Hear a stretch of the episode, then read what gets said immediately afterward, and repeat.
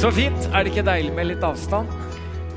Og det er så veldig vemmelig, dette med å sitte nær hverandre og på hver rad og hver stol. og sånn. Dette er fint, altså. Sånn vil vi ikke ha det. Eh, Men her er vi, og det er godt. Og vi fortsetter denne taleserien 'Konkurrerende fortellinger'. Og jeg tenkte jeg skulle begynne med å minne deg om denne anekdoten. At hvis du har tenkt å koke en frosk, så er det utrolig dumt å hive den oppi det kokende vannet. For det er visst mye smartere å legge den oppi det kalde vannet. For hvis du hiver den oppi det varme, så spretter den visst ut. Men hvis du legger den i det kalde vannet bare varmer sakte opp, så er den på en måte ikke så veldig opptatt av disse små forandringene. Så da kan du koke den levende. Det er feil. Så dum er ikke engang frosker. Det har forskerne funnet ut at det der er helt feil. For froskene de hopper ut av vannet når det begynner å bli for varmt. Og så er det spørsmål om vi er like smarte som froskene. Eller om vi forblir i det vi er, til det er for sent. Moralen er altså at frosken ikke reagerer på store forandringer, bare de skjer gradvis. Og så er det spørsmål den sekulariseringen som pågår. Om vi merker den tidlig nok til ikke å bli en del av det.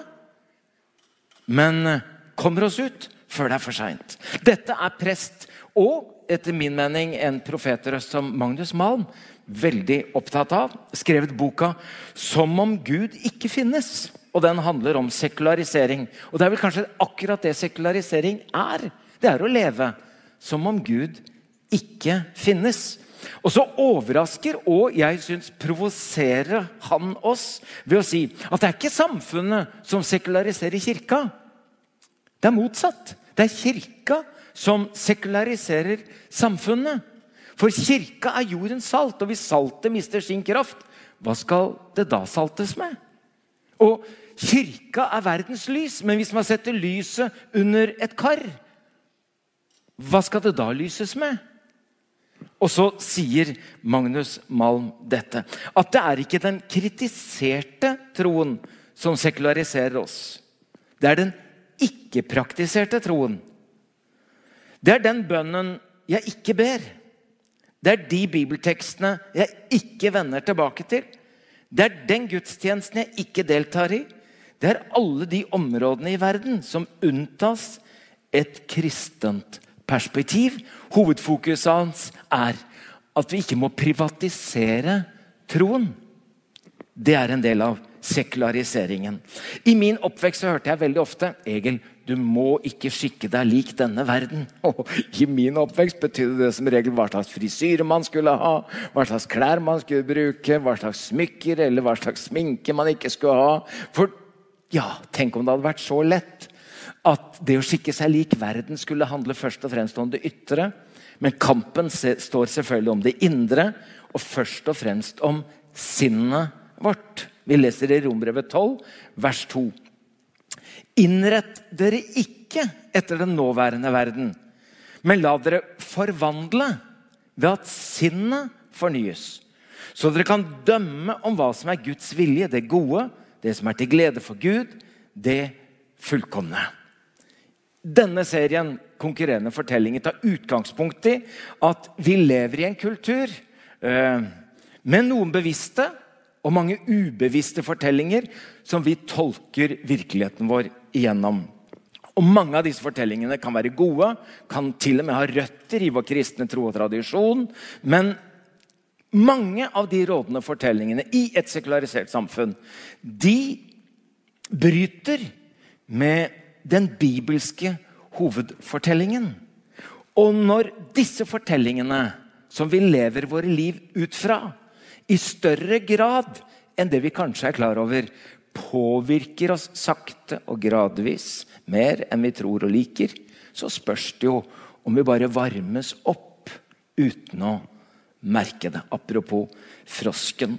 Disse konkurrerende fortellingene som vi tar opp i disse fire søndagene, det er skapelse versus tilfeldighet. Det er fall versus unnskyldninger, frelse I motsetning til selvrealisering, gjenopprettelse versus undergang. Og så har jeg vært så heldig å få tema fall. Det er liksom det jeg fikk, liksom. Du får gå ut og fortelle dem det, du. Og det gjør jeg jo ikke med glede. Hvorfor er vi som vi er?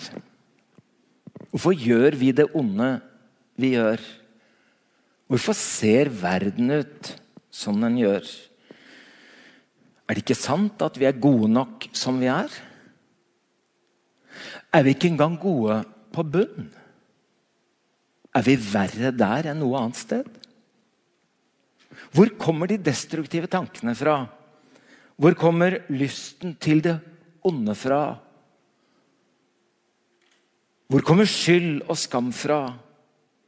De rådende fortellingene de sier oss at dette skyldes i stor grad sår og skader og svakheter som vi har med oss fra arv og miljø.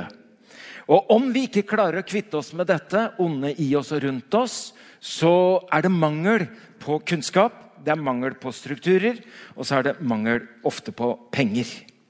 Men vårt problem, vårt forklaringsproblem, det er at vi har mye kunnskap.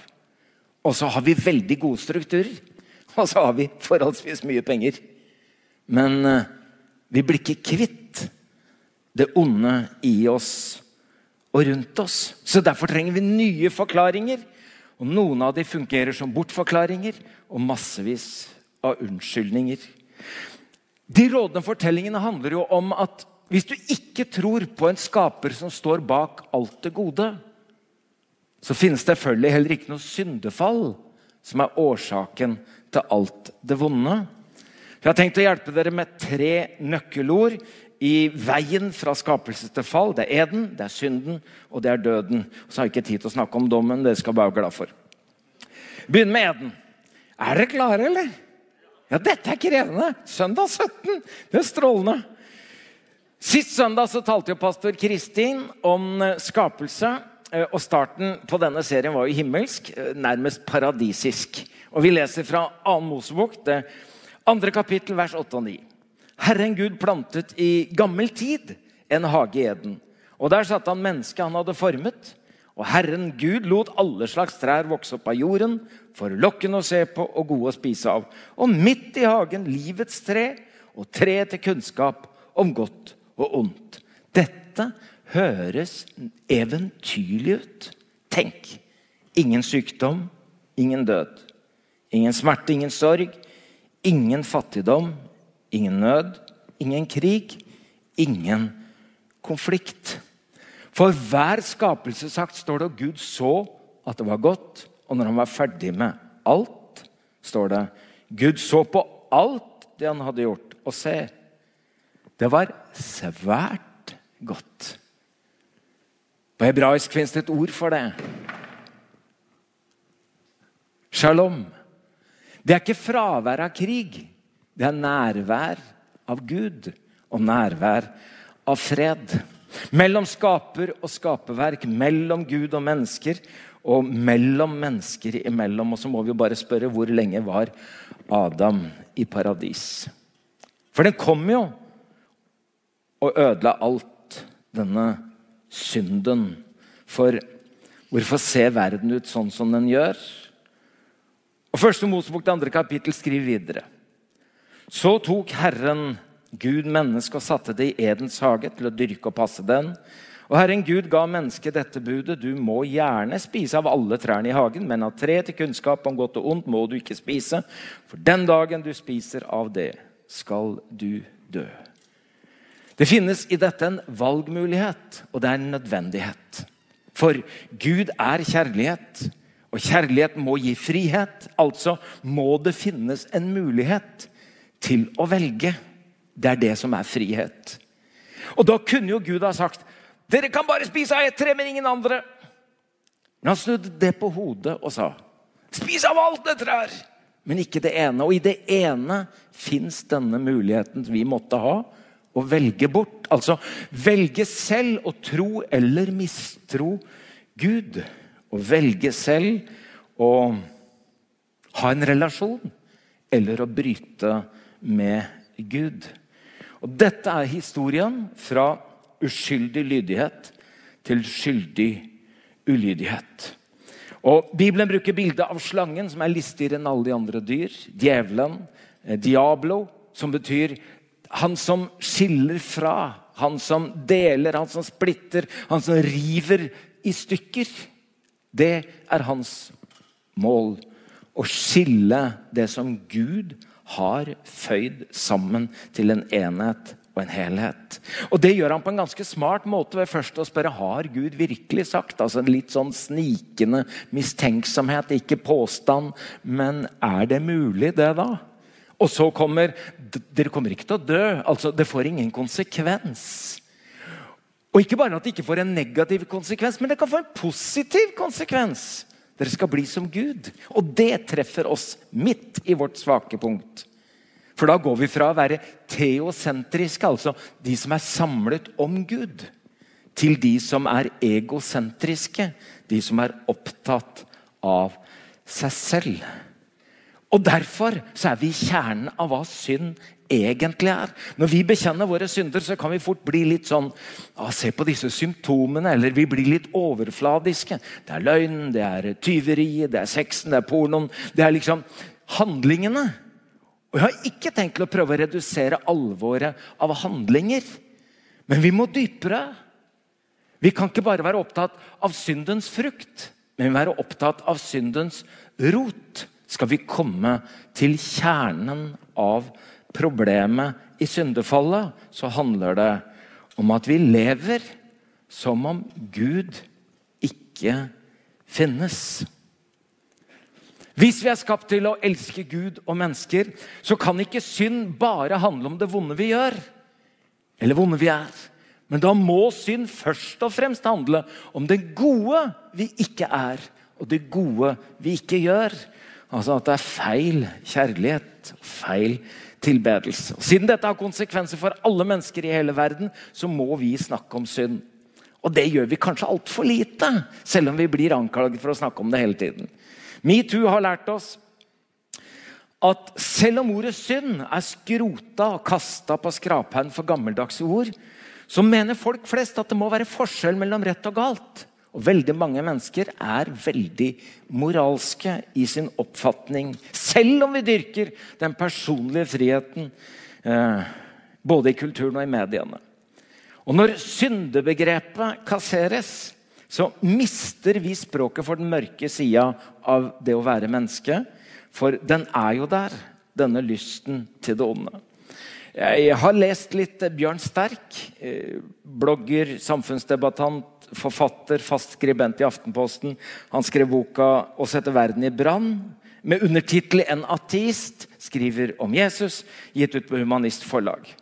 Og Bjørn Sterk han mener at den kristne fortellingen har noe å lære oss om hovmod, om lidelse om synd. Og hør her.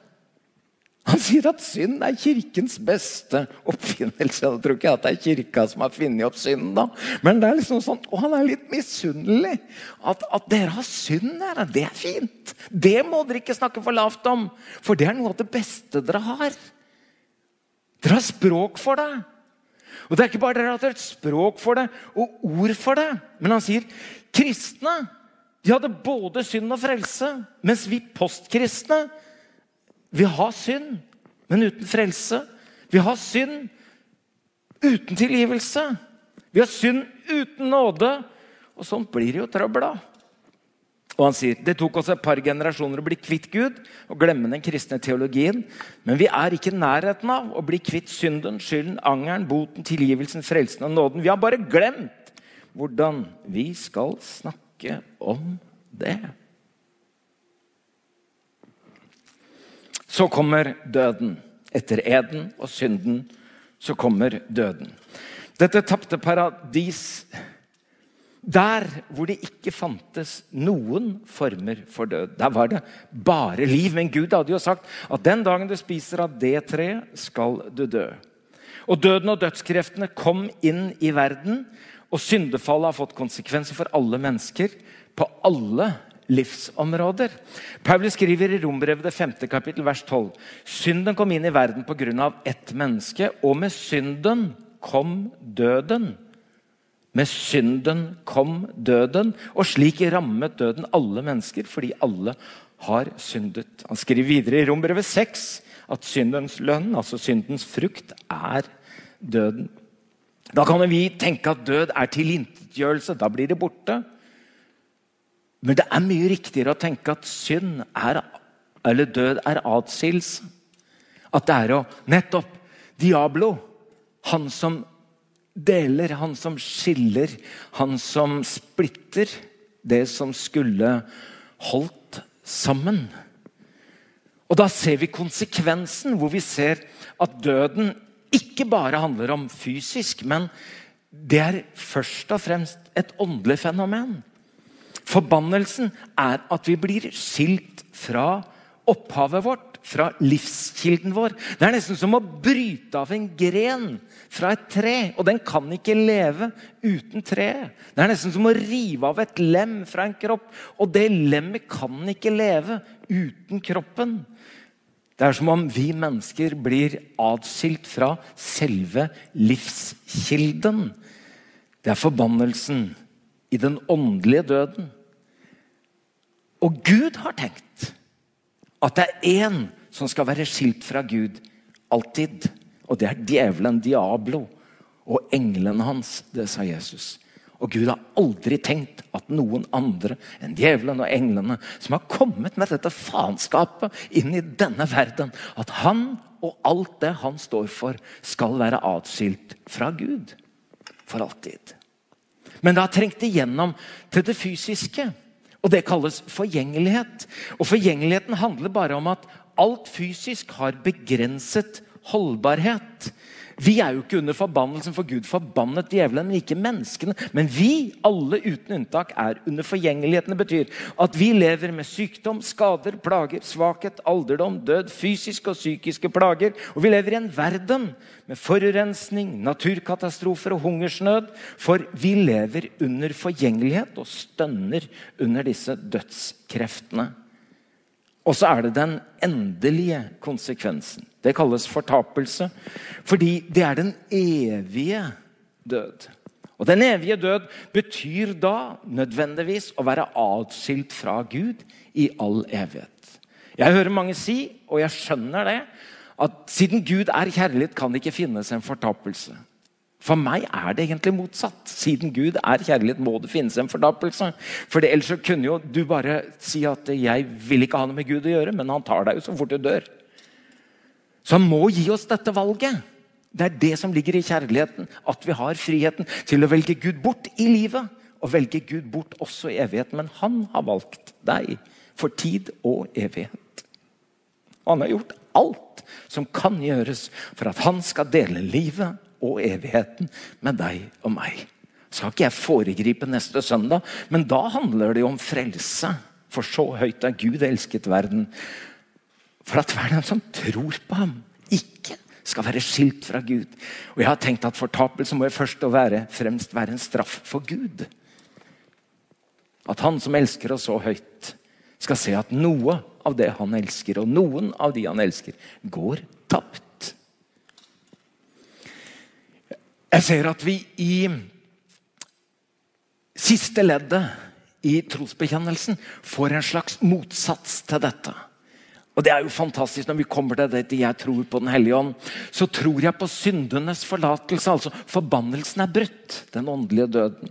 Jeg tror en gang på legemets oppstandelse, ikke bare kroppen, men jorda skal oppstå. og Det blir en ny jord. Den fysiske døden har Jesus beseiret. Og så tror jeg på det evige livet med og i Gud. Og Hadde du tenkt å si halleluja, så tror jeg det er omtrent nå det hadde passa. Ikke sant? Egentlig Halleluja. Vi har ikke tradisjon for eh, felles synsbekjennelse i våre gudstjenester. Ikke noe galt med det. Det er liksom ikke vår tradisjon. Akkurat i dag tenkte jeg det må vi ha. Vi må orke å høre diagnosen. Vi må la den synke inn. Og så er vi vel bevisst om at det fins en medisin og en behandling som virker veldig godt. Men kjenne på dette som har med synsbekjennelse å gjøre.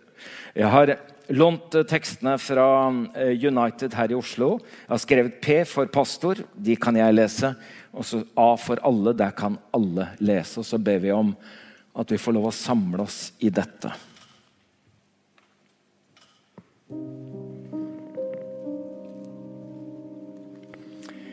La oss i lys av hvem Gud er, og hva Han har skapt oss til, ransake oss selv for Guds ansikt, og sammen be og bekjenne vår synd for Gud og ta imot Hans nåde og tilgivelse. Hellige Gud, himmelske Far, alltid er du trofast mot meg i kjærlighet. Nok en gang kommer jeg til deg med bønn om tilgivelse.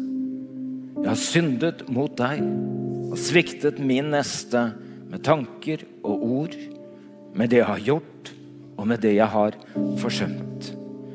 Jeg har ikke elsket deg over alle ting, og ikke min neste som meg selv. Gjennom min synd er jeg skyldig i mer ondt enn jeg selv forstår. Og jeg har del i verdens bortvendthet fra deg. Herre, hjelp meg å se og bryte med mine synder, og gi meg liv og ny kraft ved din hellige ånd. Amen. Vi sitter stille, og så ber vi om at Herren skal høre vår hjertes stille bekjennelse til Gud.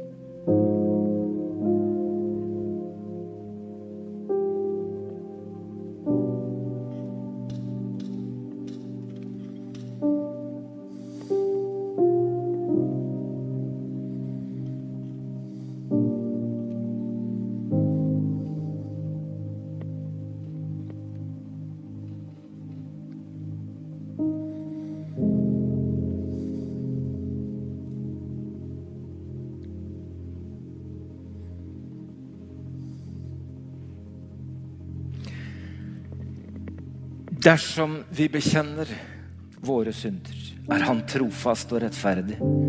Så Han tilgir oss syndene og renser oss fra all urett. Så er det da ingen fordømmelse for dem som er i Kristus Jesus. Så ved ditt kors legger vi ned det vi ikke trenger å være med oss videre. Og i din oppstandelseskraft går vi videre. Amen.